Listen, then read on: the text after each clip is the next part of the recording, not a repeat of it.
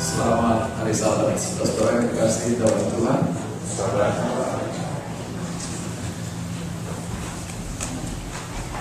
Mazmur 23 adalah salah satu ayat yang paling terkenal dan paling indah di Alkitab. Psalm 23 is the most beloved and well-known in the Bible. Tuhan adalah gembalaku, takkan kekurangan aku. The Lord is my shepherd, I shall not want. Ia membaringkan aku di padang yang berumput hijau. He makes me to lie in green pastures. Ia memimpin aku ke air yang tenang. He leads me beside the still waters. Puisi di dalam Mazmur ini memberi kesan bahwa orang yang dipimpin Tuhan hidupnya indah. This poetry, this, this Bible poetry, uh, gives the impression as if people uh, living with God always have a quiet, blessed life. Dan salah satu lagu yang mendapat inspirasi dari Mazmur ini adalah lagu Tuhan pimpin sepanjang jalan. Uh, one of our hymns that got the inspiration from this verse is He leadeth me. Yang mana lagu ini di dalam bahasa Indonesia terjemahannya jadi rusak. This songs, unfortunately, in, in its Indonesian translation, is not fully, uh, didn't contain all the meanings. Tuhan pimpin aku betapa indah berkat itu. He leadeth me, O blessed thought. Baru memikirkannya saja sudah diberkati. Even just the thought of this, you may make you feel blessed. Dan kalimat Tuhan pimpin aku adalah kata-kata yang diilhami dari sorga. The phrase, uh, He leadeth me, is uh, heaven sent. Apa pun yang aku lakukan, di mana pun aku berada, adalah tangan Tuhan yang menuntun saya. Whatever I do, wherever I be, still is God's hand that leadeth me. Tuhan pimpin aku, Tuhan pimpin aku. Dengan tangannya sendiri Tuhan menuntun aku. He leadeth me, He leadeth me, by His own hand, He leadeth me.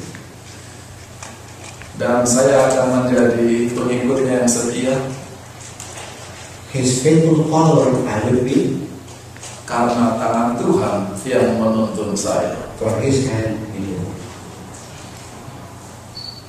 Saya akan menjadi pengikut Tuhan yang setia oleh karena tangan Tuhan yang menuntun saya. I will be faithful follower of God because His hands leadeth me. Dan inilah pengertian kita tentang tuntunan atau pimpinan Tuhan. This how we perceive God's guidance. Bahwa hidup kita akan dituntun dari keadaan buruk ke keadaan yang lebih baik. That our lives will be led from the bad to the good. Kalau hidup kita sudah baik, dari baik kepada yang lebih baik lagi, If our life has been good, it will be better. dari miskin jadi kaya, If you were poor, you will be rich.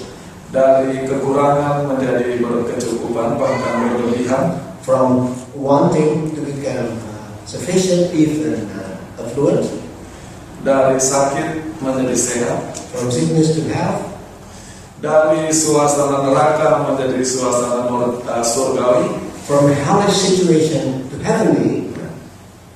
karena Tuhan pimpin. Because He is leading.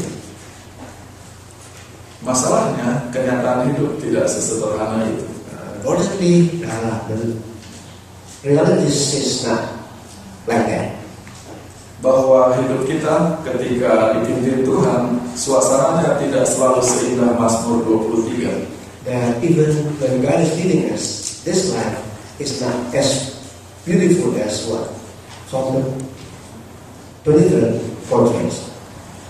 Dan karena kita adalah korban dari Mazmur 23, Since we are victims of Psalm 23, kalau Tuhan punya pimpinan tidak seindah ini, kita akan pikir ada yang salah dengan hidup kita.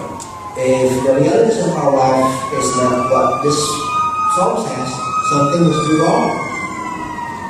Dan oleh karena itu, bukan salah saya kalau saya tidak setia sama Tuhan. Kalau Tuhan tidak memberi yang baik kepada saya. And because of that, if I'm not faithful in church, don't blame me because I'm not blessed by God. Di buku keluaran diceritakan bahwa Tuhan mengutus Musa untuk mengajar bangsa Israel keluar dari Mesir. In the book of Exodus, uh, we read that God commanded Moses to go and take the Israelites out of Egypt. Ada tiga hal yang Tuhan mau kerjakan bagi mereka. There are three things that God wants to do for this people. Aku akan membebaskan kamu, I will bring you out of freedom, out of bondage. aku akan melepaskan kamu, I will deliver you, dan aku akan menebus kamu. and I will redeem you. Bukan hanya mereka akan dibebaskan dan dilepaskan, status mereka akan dirubah. Not only they will be free and released, their status will also be changed. Dari budak menjadi umat Tuhan. From slaves into people of God. Dari budak Firaun menjadi hamba Tuhan. From slaves of the Pharaoh to become uh, servants of God. Bukan hanya status yang dirubah, mereka akan dibawa ke lokasi yang baru. Not only their status is going to be changed, they're going to go to a new different location. Aku akan membawa kamu ke negeri yang telah kusumpahkan kepada nenek moyangmu. I will bring you to the land which I swore to your ancestors. Kalau saudara menjadi orang Israel, mendengar kabar baik apa yang Tuhan akan lakukan, saudara akan sangat gembira. If you are an Israelite and receive this good news from God, you should be happy. Saudara akan menjadi semangat dan tidak sabar untuk menunggu kapan Tuhan akan lakukan hal ini. You will be full of zeal and cannot wait. When will this happen to me? Yang menarik adalah reaksi orang Israel ketika mendengar janji Tuhan ini. But it's interesting to know what was the reaction of the Israel people when they heard this message. Lalu Musa mengatakan hal itu kepada orang Israel. So Moses spoke thus to the sons of Israel. Tetapi mereka tidak mau mendengarkan Musa. But they did not want to listen to Moses. Lebih cocok, mereka tidak sanggup untuk mendengarkan Musa. Maybe more, more appropriately, they couldn't hear Moses. Kenapa? Why? Bukan karena mereka tidak punya iman. Not because they lack faith, Bukan karena mereka tidak percaya Tuhan. not because they do not believe God, Bukan karena mereka tidak mau menurut Tuhan. not because they don't want to follow God, Tetapi karena mereka sudah terlalu putus asa karena beratnya perbudakan yang mereka alami. because they are so overwhelmed with slavery and hardship of slavery in were. Ini adalah situasi ketika orang secara mental dan emosi sudah sangat jatuh. This is uh, a situation of people so downtrodden emotionally and everything. Sampai ketika mendengar kabar baik, mereka sudah tidak sanggup menerima kabar baik. Such that even when they, they received this good news, they couldn't figure it out, they couldn't fathom, they couldn't understand. Karena sudah terlalu banyak yang buruk terjadi dalam hidup mereka dan terlalu lama yang buruk ini menguasai mereka untuk berpikir bahwa ada yang baik dalam hidup ini pun mereka sudah tidak sanggup. Because they have been in such a deplorable condition for so long, they couldn't, couldn't afford to understand this good news of deliverance.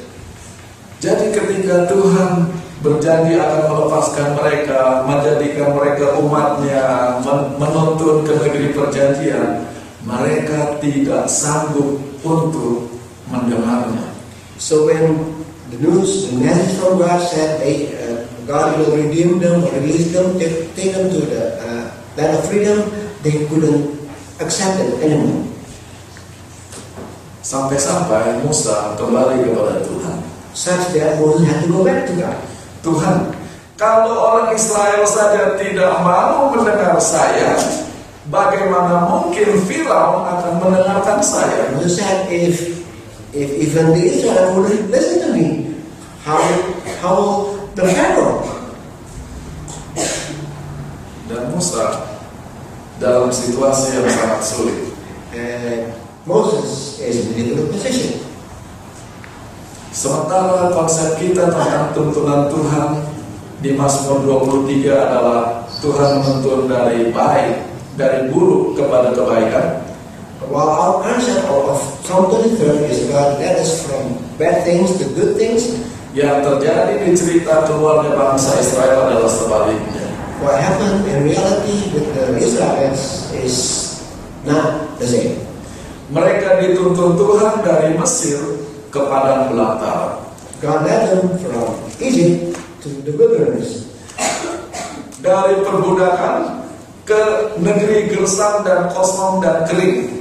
from slavery, out of slavery to a desolate, dry uh, land with nothing, barren land. Jadi Tuhan akan menuntun mereka dari situasi yang buruk ke situasi yang lebih parah lagi. So, in fact, God led them out of a, bad situation to a worse situation. Harusnya Tuhan sangat berhati-hati di dalam memperlakukan orang Israel. God should been more careful in dealing with this Israel. Karena kita harus ingat orang-orang ini sudah tidak sanggup untuk mendengar kabar baik. These people couldn't, couldn't listen and understand good news anymore. Maka harusnya orang yang sudah parah begini harus Tuhan pimpin ke tempat yang indah. God should have led these people from that where they were to a better place. Harusnya orang-orang yang sudah terlalu lelah dan pahit oleh perbudakan dibawa ke resort-resort yang mahal dan yang eksklusif. God should have led these people, this deplorable condition, into a nice resort, for instance. Itu pun belum tentu mereka mau karena mereka sudah tidak sanggup mendengar kabar baik. Even that they may not follow because they couldn't take any more good message. Tetapi sekarang orang yang sudah habis oleh perbudakan justru akan dipimpin ke padang belantara. But here we see these people suffering in slavery are were led to the wilderness. Tuhan macam apa yang menuntun umatnya dari hidup yang susah ke kehidupan yang lebih susah lagi. What kind of God would let would lead his people from a bad situation to an even worse one? Kalau Tuhan cinta, di mana cintanya?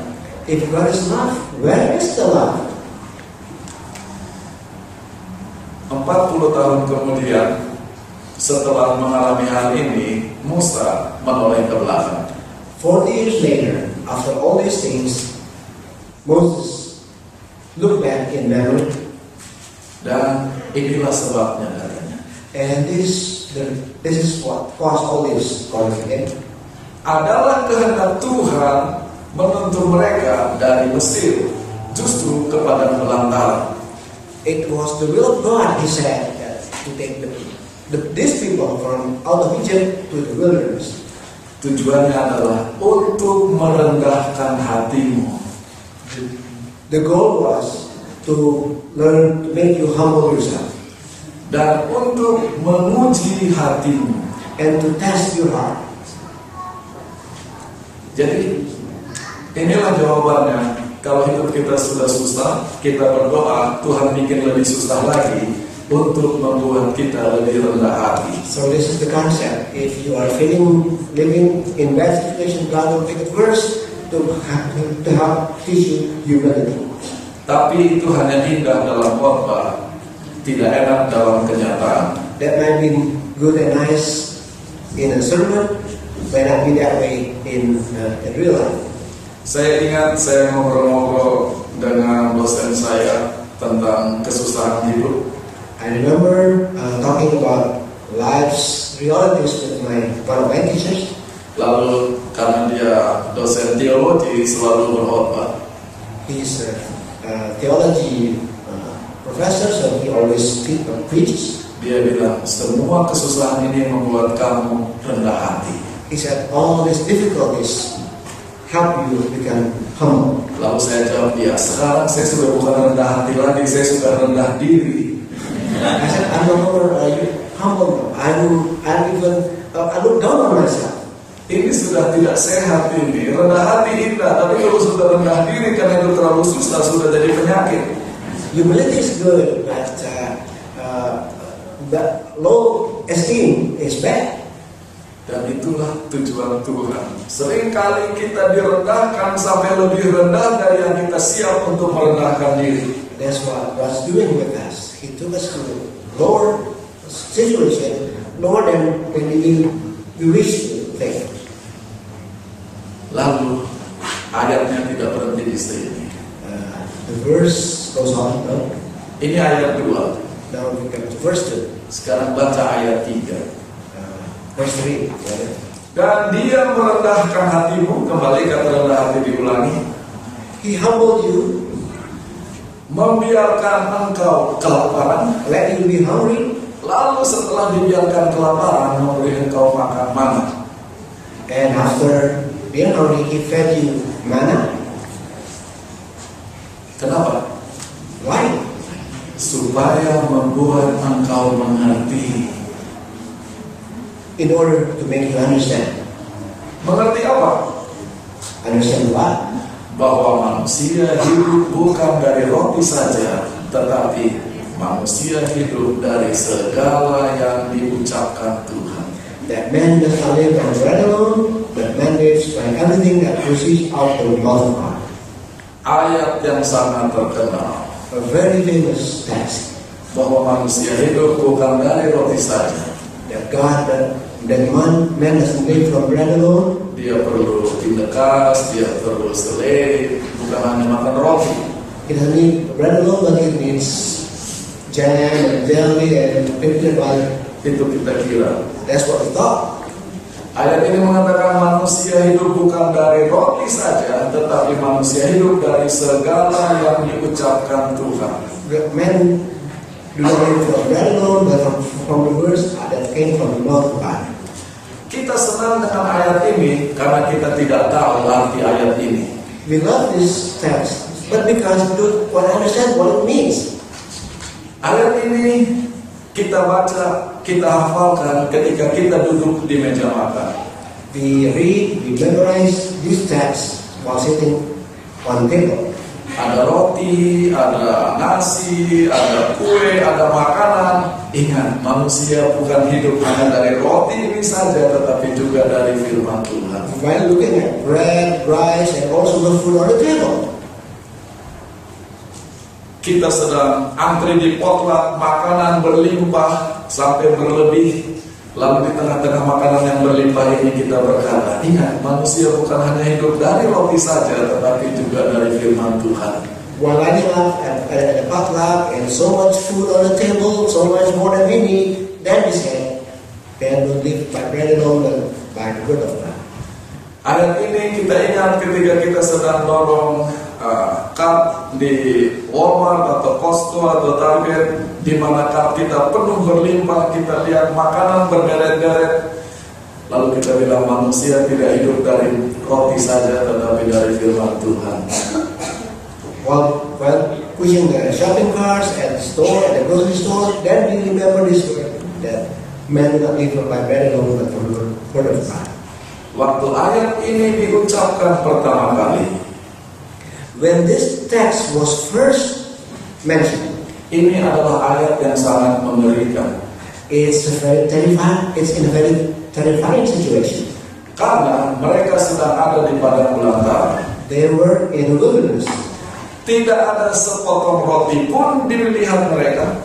Not, not even a, a piece of bread inside. Yang ada hanya pasir dan batu. All they see is sands and rocks. Jadi manusia tidak hidup dari roti saja karena memang tidak ada roti yang mau dimakan. So men do nothing by bread alone because there's no, no bread anywhere. Dan mereka tidak bisa lihat Tuhan di padang belantara. They couldn't even see God in, the desert.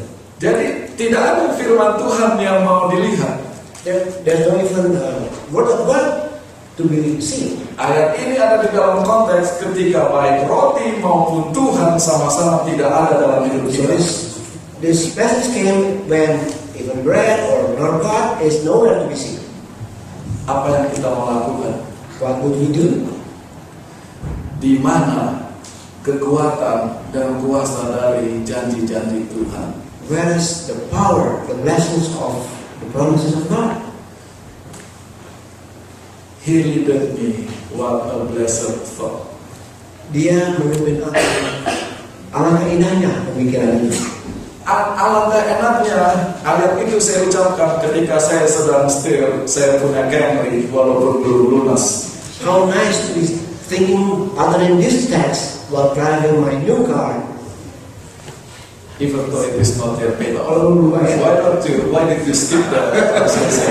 Kalau belum lunas dibayar, Don't make this sermon beautiful. Sermon must be ugly.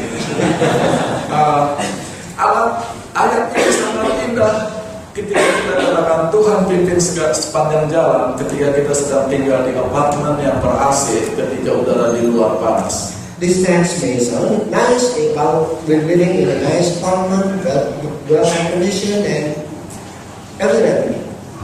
Tetapi bagaimana kita mau katakan He leaded me, what a blessed thought kalau kita sedang berdiri di tengah-tengah padang pasir seperti ini. How can we say such nice words while sitting in the- this kind of situation, wilderness? Mana Tuhan? Where was God? Tapi dia bilang Tuhan adalah gembala. But he said, God is my shepherd. Takkan kekurangan aku. I shall not want. Sangat suka untuk percaya kepada ayat seperti itu di tengah-tengah padang pasir. It's very difficult to believe in this text, in this kind of situation. Ketika saya ucapkan Tuhan adalah gembalaku, When I, when I mention God is my shepherd, di dalam bahasa Indonesia kata-kata itu penuh dengan huruf A. Indonesian uh, is awful with the vocal A, vowels A. Dan ketika kita mengucapkan huruf-huruf A itu mulut kita terbuka. Uh, mentioning our, our jaw drops open. Pasir masuk ke mulut kita dengan derasnya. Karena pada belantara. And this flying sands came into your mouth. We have been in the desert, remember? Dan ketika kita menelan air liur yang ada dalam kepahitan dan kepanasan. And and when we swallow, it, it's the the bitterness of life and we feel.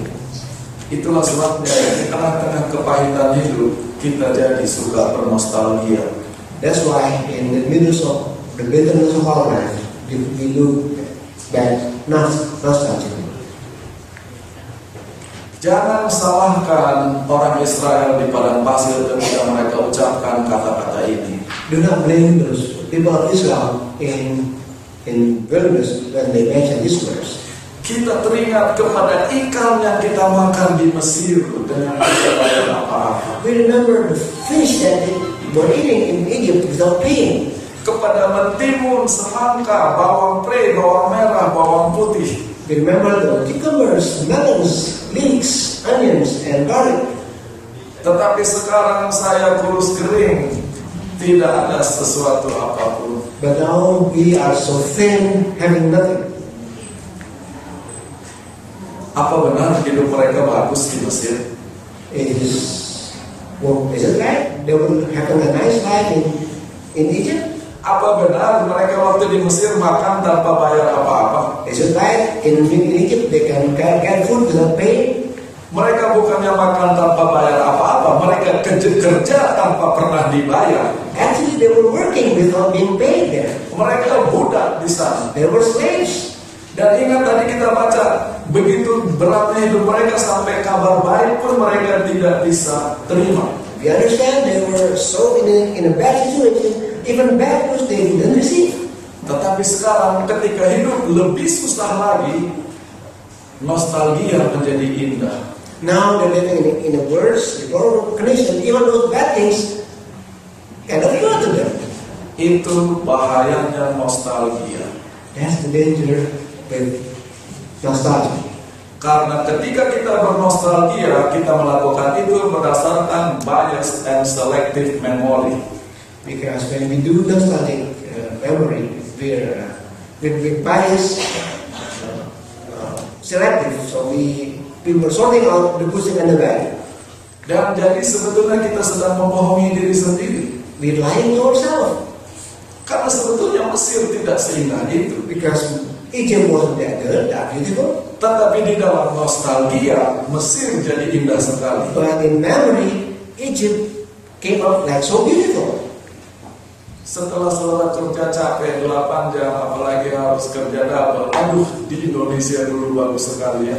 After working eight hours so hard with double shift, now you look, you think back, oh, it was so nice in Indonesia. Waduh, waktu di Indonesia nggak perlu begini. We didn't, I didn't have to go uh, work this hard. Jangan bohongi diri sendiri. Don't like, deceive yourself.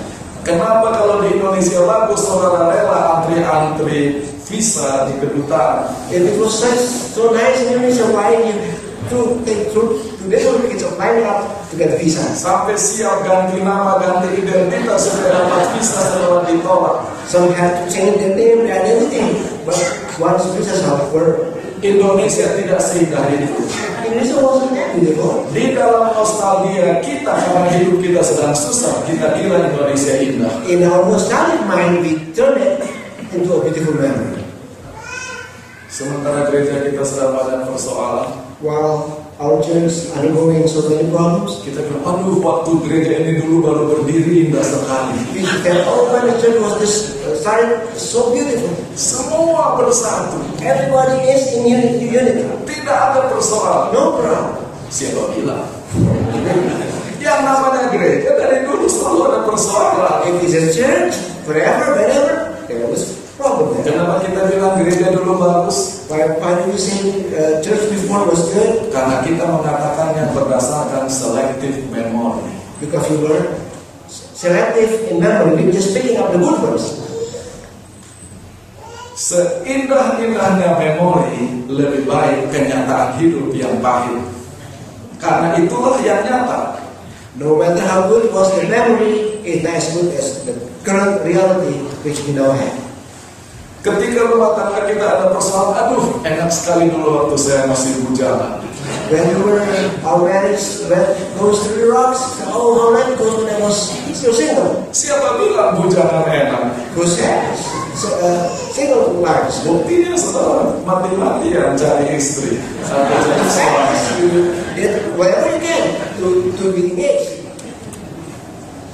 Ketika anak-anak eh, hidup tidak sesuai dengan yang kita mau, When kids be not behaving as we want them to, memang enak nggak punya anak. how, how much better if we didn't have any kids? Jangan pernah bilang begini. Never say that. Siapa bilang punya anak dan tidak punya anak enak? Who said that? Who thinks that? Childless is better.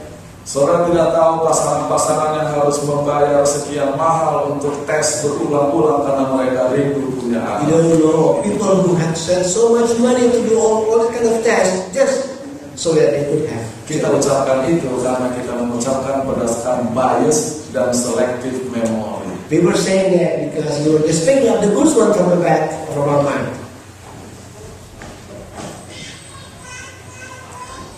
Maka sekarang arti kata bahwa manusia tidak hidup dari roti saja, tetapi dari firman yang keluar dari mulut Tuhan adalah Now, the, the real meaning of uh, you don't live by the bread alone, but, but by the word of, word of God is actually punya iman kepada Tuhan ketika kenyataan hidup begitu keras dan begitu tidak masuk akal.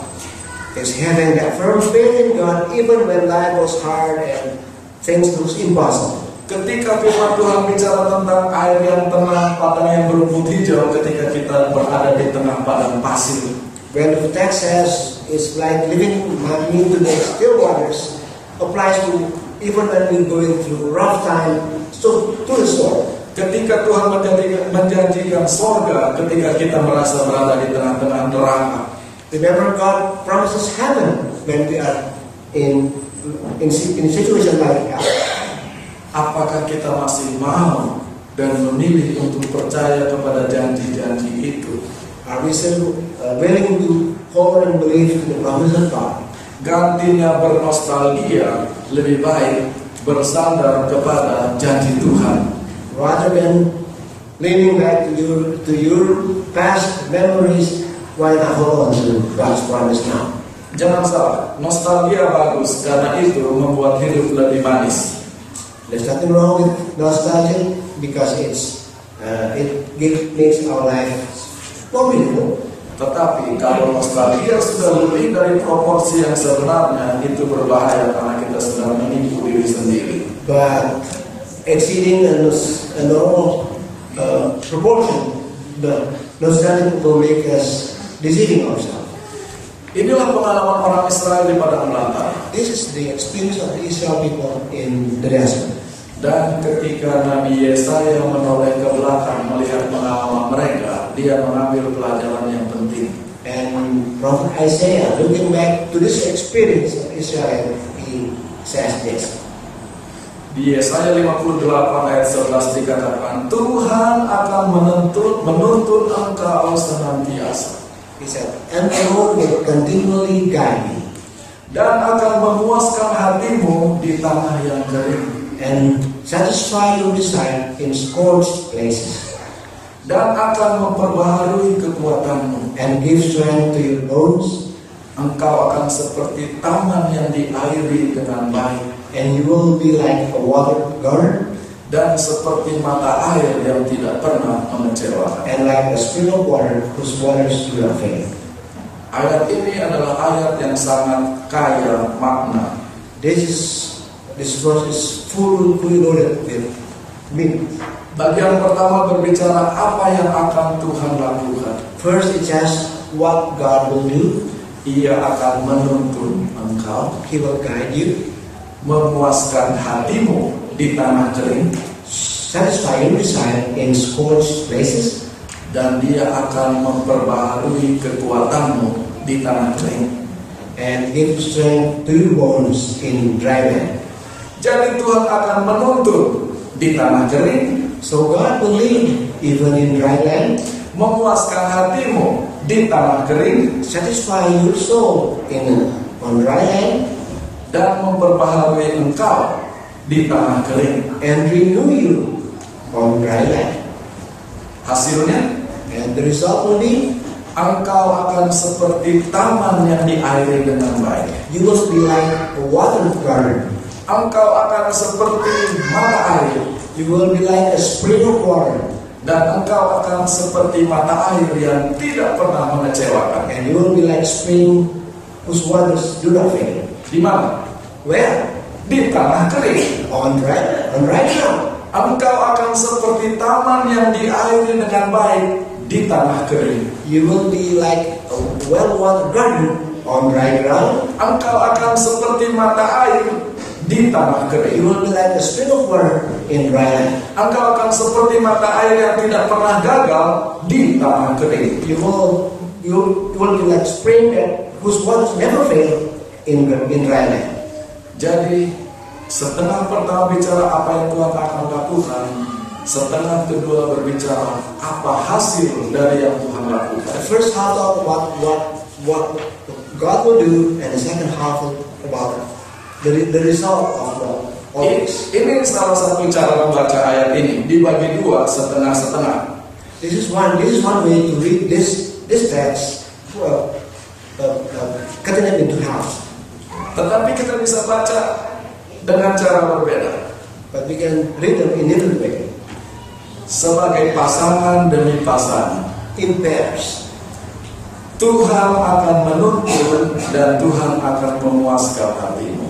God will guide and God will satisfy your heart Di tanah kering. on the ground on the land. Tuhan akan memberi kekuatan dan engkau akan seperti taman yang diairi dengan baik. God will give you strength and you will be like a water garden. Dan engkau akan menjadi seperti mata air, seperti mata air yang tidak pernah gagal. You will be like a spring of water whose water will not fail.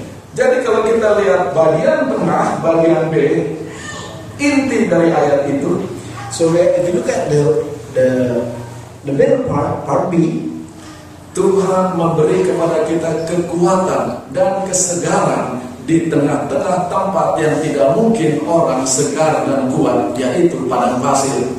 God give us strength and freshness where people cannot cannot be uh, uh, fresh, if such as in a desert. Yesaya 58 ayat 11 memberi teologi yang unik tentang pemeliharaan Tuhan. Isaiah 58 verse 11 offers a unique theological point. Kenapa? Why? Di dalam ayat ini Tuhan tidak merubah tempatnya. In this text, God does not change the place. Padang pasir itu tetap padang pasir. The desert remains a desert. Yang Tuhan rubah manusianya. What God changed was the people. Tuhan tidak merubah padang pasir menjadi taman yang indah. God didn't change the, the turn the desert into a beautiful garden. Yang Tuhan rubah saya yang Tuhan pimpin kepada pasir menjadi bagaikan taman yang segar dan indah. Change me who go who went to the desert to the desert as if I'm going through a well water garden. Tuhan memberi kekuatan supaya kita bisa bukan hanya bertahan, tetapi kita juga bisa menjalani hal-hal yang sangat berat dalam perjalanan hidup. God made us able so that we can have the strength and uh, and can go through uh, go through this life. Dan sementara menjalani kesusahan hidup ini, kita bisa menikmati berkat Tuhan di tengah-tengah kesusahan hidup. And while going through the hardship of life, we can still enjoy God's blessings in, in, in the midst. of it. Ini poin yang sangat unik, sukar, dan aneh. This, this, these points are quite unique, difficult, and maybe strange. Karena untuk bisa menikmati berkat Tuhan, saya harus dipindahkan dari padang pasir ke, ke Kanaan. Because in, in order to uh, things of God blessing, I have to be uh, removed from the from that desert to Canaan. Ayat ini tidak bilang begitu.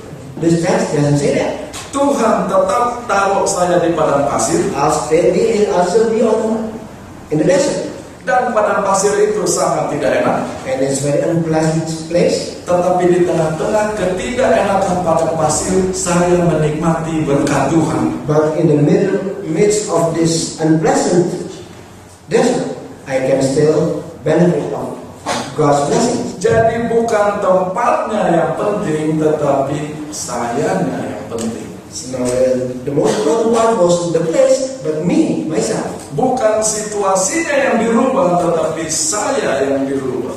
God didn't change the situation. I'm the one who is changed. Dan semakin susah kenyataan hidup itu, semakin besar berkat yang Tuhan sedang sediakan bagi kita. And the worse, the harder the situation is, the, the more blessings God's blessing is for. Jadi, kalau saudara mau menikmati berkat Tuhan, jangan tunggu sampai nanti naik pangkat atau gaji dinaikkan. Sekarang nikmati berkat Tuhan, berkat yang ada. So if you want to enjoy God's blessings, don't wait until things get better, until you get better job or better pay. Enjoy it now. Kalau saudara mau menikmati berkat Tuhan, jangan tunggu sampai nanti waktu anak-anak sudah baik, sudah menurut semua, nanti saya menikmati berkat Tuhan. Jangan, mereka tidak akan pernah menurut. Nikmati berkat Tuhan sekarang, apa yang ada. If you want to uh, enjoy blessing God, well, don't wait until your children are behaving well, are better. Enjoy it while they are as they, as they, are now, and enjoy the blessing while you have it. Kalau saudara mau menikmati berkat Tuhan sekarang, jangan tunggo sampai nanti uang saya sudah banyak, sekarang saya kekurangan. Karena uang kita tidak akan pernah banyak, bahkan uang kita akan lebih berkurang terus dari waktu ke waktu. Berkati berkat Tuhan, nikmati berkat Tuhan itu sekarang. If you want to enjoy God's blessing, don't wait until you have lots of money in the bank or whatever. Enjoy whatever bigger you have now. Enjoy it now. Karena kalau kita tidak belajar menghargai berkat Tuhan di padang pasir, kita tidak siap menghargai berkat Tuhan di Kanaan sekalipun. If we are not ready to appreciate God's blessing in the desert, we will not be ready to appreciate, to enjoy His blessings in Canaan. Dan berkat Tuhan itu sangat hebat. And God's blessings is wonderful. Dia bilang, segala berkat ini katanya, All these blessings akan datang kepadamu dan akan menjadi bagianmu. will come upon you and overtake you. Bahasa Indonesia-nya parah sekali terjemahannya saudara-saudara. Uh, the Indonesian tra- translation is that's good. Karena kalau saudara baca bahasa Inggrisnya, ini pengalaman orang yang dikejar-kejar dan ditangkap oleh berkat Tuhan. the, the English text give you the meaning of people who are Being chased, being chased by blessings. being chased and overtook by God's blessings. Dikejar-kejar dan dipenuhi oleh berkat Tuhan. Segala berkat ini akan kejar-kejar kamu dan segala berkat ini akan menangkap kamu. All this blessing will be chasing after you and overwhelm you. Ini hebat sekali ada orang dikejar-kejar berkat. It's so wonderful. People being chased by blessings. Dan ini Tuhan yang mengucapkan. And God was the one saying it. Karena kita hidup dikejar-kejar utang. Because the reality is, our debts are chasing us. Kita hidup dikejar-kejar fitnah. Our bad words are chasing us. Kita hidup dikejar-kejar problem. Problems are us. Tapi ayat ini janjinya lain. Kita hidup dikejar-kejar oleh berkat Tuhan dan dikejar sampai dapat. And this text now says, blessings of the Lord are chasing us until it overtakes us. Itulah sebabnya Daud mengulanginya di Mazmur 23. For that, for this reason, uh, David repeated this, pra- this text promised in Psalm 23. Surely, sungguh-sungguh benar, kebaikan dan kasih sayang akan mengikuti aku sepanjang umur hidupku. Surely goodness and mercy will follow me all the days of my life. Inilah indahnya umat Tuhan, hidup dikejar-kejar berkat Tuhan. What a wonderful life people of God has. Tapi ingat, di mana kita dikejar-kejar berkat Tuhan? Remember where, where were we being chased by the blessings? Di padang belantara kesusahan hidup. In the desert of the hardship of life. Kenapa? Supaya kita percaya bahwa manusia tidak hidup hanya dari roti tetapi dari firman Tuhan. So we realize that man not live by bread alone, but by the word of God. Dan itu akan membuat kita lebih menurut kepada Tuhan. That will make us more obedient to God. Jika engkau baik-baik mendengarkan suara Tuhan Allahmu, If you diligently obey the Lord your God, melakukan dengan setia segala perintahnya, being careful to do all His commandments, engkau akan dikejar-kejar segala berkat itu. all His blessings will be chasing after you. Jika engkau mendengarkan suara Tuhan Allahmu. If you listen to the word of your God. Kenapa? Why? Karena manusia tidak hidup dari roti saja, tetapi dari firman Tuhan. Because man do not live by bread alone, but by the word that came from the mouth of God. Lihat ayat ini dibuka dengan syarat kalau kamu menurut dengan setia. So this word was started with condition if you follow diligently. Ayat ini ditutup dengan syarat kalau kamu menurut dengan setia. And it's closed with this condition if you obey the Lord your God. Tetapi di tengah-tengahnya ada berkat yang indah. But in the middle you'll find this wonderful blessing. Tuhan akan mengangkat engkau lebih dari segala bangsa di atas dunia ini. You, God will uplift you higher than all the nations on earth. Kenapa? Why? Karena sekarang saya mempunyai etika yang lebih baik dari bangsa lain. Because I have better ethics than other nations. Karena saya punya moral yang lebih baik dari bangsa lain. Because I have more better morality than the Karena cara hidup saya lebih baik dari bangsa lain. Because my way of life is better than other nations. Jadi ketinggian ini bukan ketinggian status dalam arti uh, diskriminasi, tetapi ketinggian dalam arti kualitas hidup yang lebih baik. Because so because this high level of living is not dis- by discrimination, but because the way we live the quality of, of our life. Dan kualitas hidup yang ditentukan oleh kualitas tabiat karena kita mengikut firman Tuhan. This is the quality, the high quality of life based on quality of our characters by following God's word. Tidak heran hidup seperti itu dikejar-kejar oleh berkat Tuhan. And this kind of life will be the one that's changed by God's blessings. Jadi kembali kepada Mazmur 23. So back to Psalm 23. Mungkin kita pernah heran, Maybe we once wondered, Tuhan adalah gembalaku, tidak akan kekurangan. God is my shepherd, I shall not want. Tapi kenyataan dalam hidup saya, Tuhan adalah gembalaku, kok hidupku penuh dengan kekurangan. God, the reality is, God is my shepherd, I have gone through wars. Apa saya kurang setia? Have I been faithful? Apa Tuhan lupa saya? Have God forgot about me? Tidak. No. Seringkali Tuhan membiarkan menuntun kita kepada belantara. Sometimes God will let us go, let us go to the life of death. Tapi bukan berarti dia lupa kita. Forgot about us. Ingat, di tengah-tengah padang belantara berkatnya berlimpah. Remember, even in the in the desert, His blessing is bountiful. Persoalannya, karena kita lebih memperhatikan padang belantara itu daripada memperhatikan berkat-berkatnya. The problem is we take more, more pay more, more attention to the desert than the blessing to the blessing of God. Jadi bukan kebetulan ada lagi yang mengatakan hita hitung berkatmu satu-satu. It's, it's, uh, it's by chance that someone was saying, uh, count your blessings one by one. Bahasa Inggris mengatakan count your blessings, name them one by one. Itu berkat berkatmu satu- sebutkan itu satu persatu. Tidak cukup cuma bilang terima kasih untuk berkat Tuhan, name them one by one. It's like, you know, to simply thank you God for blessing, say one by one. Dan kalau kita bisa menyebut berkat itu satu persatu, kita akan terkagum-kagum dengan berkat itu sampai kita lupa bahwa kita sedang di padang pasir.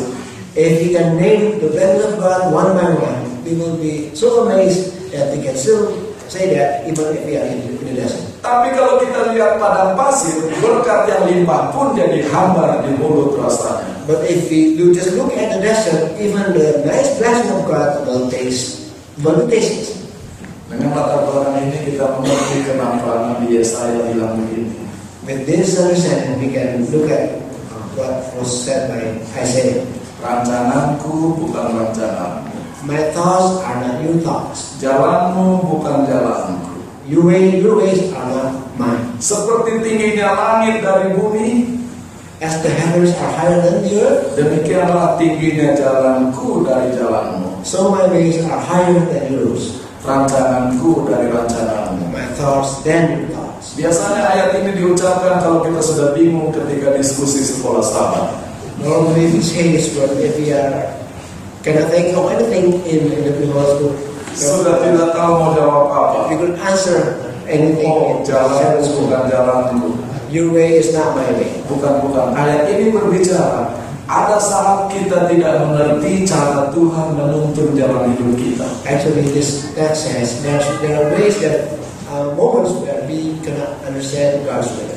Kenapa hidup saya dipimpin dari Mesir, bukannya ke Kanaan, dari Mesir justru ke padang belantara? Why my life was led from Egypt not to Canaan but instead to the desert Di tengah-tengah saat seperti itu, in the middle of this. ingat, manusia tidak hidup dari roti, Men do not live by bread alone, tetapi dari firman Tuhan. but by from the word of God. Bahwa rencana Tuhan selalu lebih baik dari yang kita bisa lihat.